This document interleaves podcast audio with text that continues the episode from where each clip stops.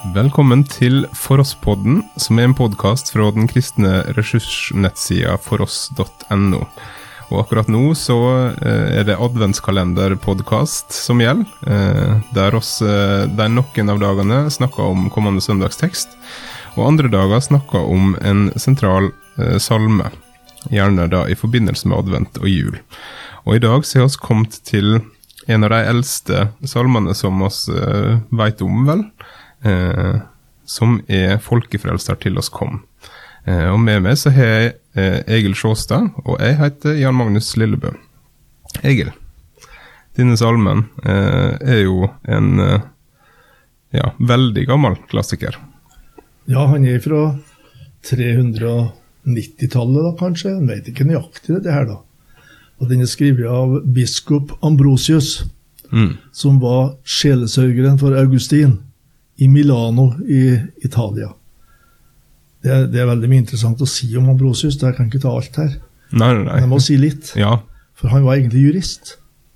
Han var en politiker i Milano.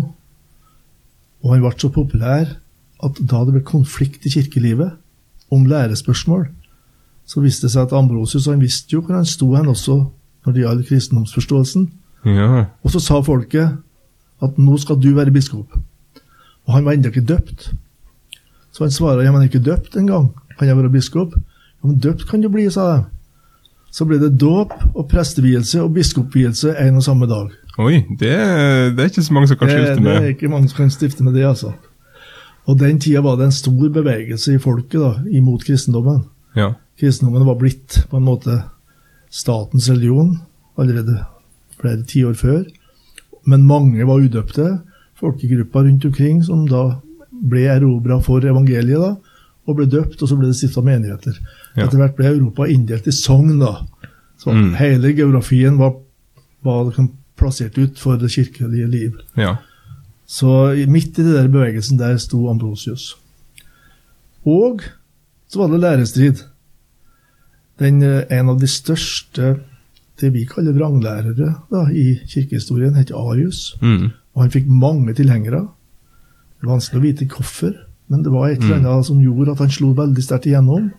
Og mange eh, prester og ledere ble også påvirka av Arius. Ja, og der var det læra om Kristus som på en måte var under press? Ja, der var læra om Kristus under press.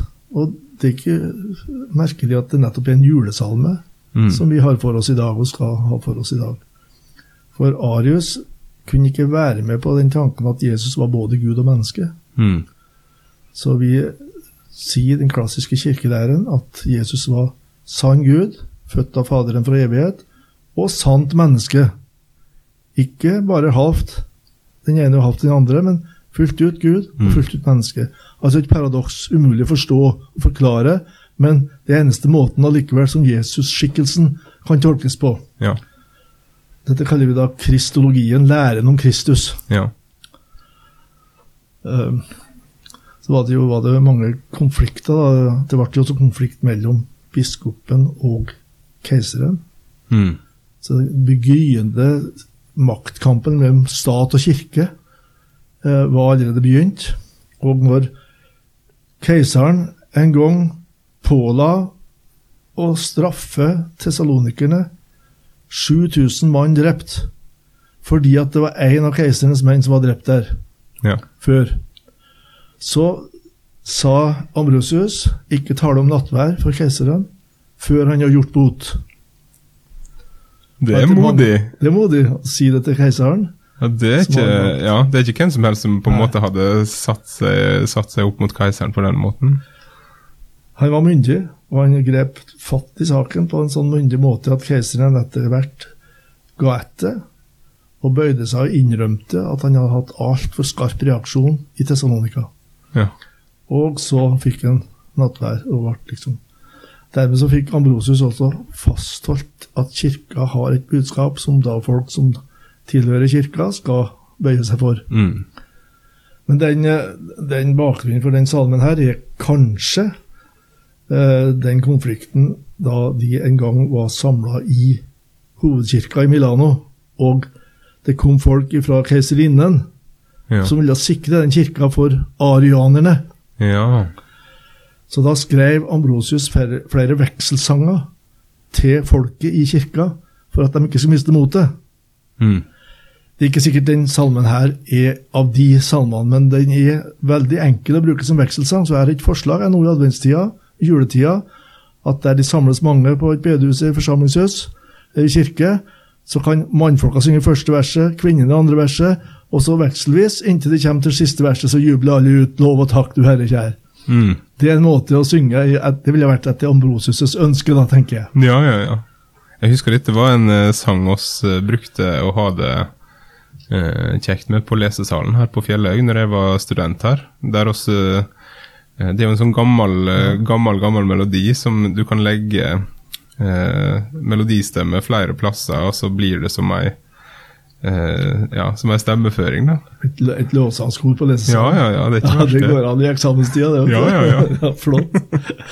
Det en, men det er en typisk troslæresalme. da, så En, en Mm. teologistudent bør også registrere selve innholdet her. da. Ja, ja, ja. Det gjorde du sikkert. Ja da, vi snakka, snakka rundt både innhold og melodi og Og Det som er så flott her, det er at det går an å sammenfatte så mye teologi uten at det blir bare dosering. da. Ja. Eh, Og når den synges på den gamle gre- gregorianske folkemelodien Mm. uten musikk Det opplevde jeg nå sist søndag på Ytre Enebakk. ja. Kjempeflott å høre på, altså. Folkefrelser til oss kom, født av Møy. Oversatt til nynorsk. Mm. Møy, altså jomfru, ikke ved manns medvirkning. Og neste verset, Herrens under skjer ved Guds ande. ja. Født av jomfru Maria, sant, unnfanget ved Den hellige ånd, født av jomfru Maria. Det er Mm. med i disse to versene. Så ønska Ambrosius å så å si markedsføre den kristologien, da. ja. Og så at han er uten synd. Uten synd han båren er. Det er jo paradoksalt. Det er også han som bærer all synd for verden. Mm. Han er født uten synd. ja. Så i motsetning til øverstepresten i Det gamle testamentet, så er det her en som er uten synd sjøl, som tar seg av altså Jesus' syndfrihet og forsoningen, kobles sammen i to enkle linjer. Mm. Han er både Gud og mann. Da har du inkarnasjon. Alle folk kan frelse kan. Dette er ikke bare for jødene eller for Milano, dette er for hele verden. Mm.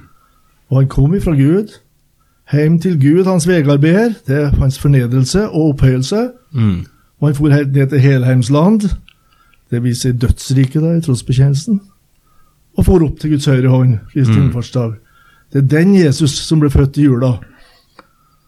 Og så er det lovsangen til slutt. Mm. Og det som en kan høre på en måte eh, Når en har lest de oldkirkelige bekjennelsene, så er det mye kristologistoff derfra som en også finner her i denne salmen. Syng den i jula, folkens. Oppfordringa er herved gitt. Eh, takk for at du hørte på, og takk til deg, Egil, som fortalte oss om Ambrosius og om folkefrelser til oss kom.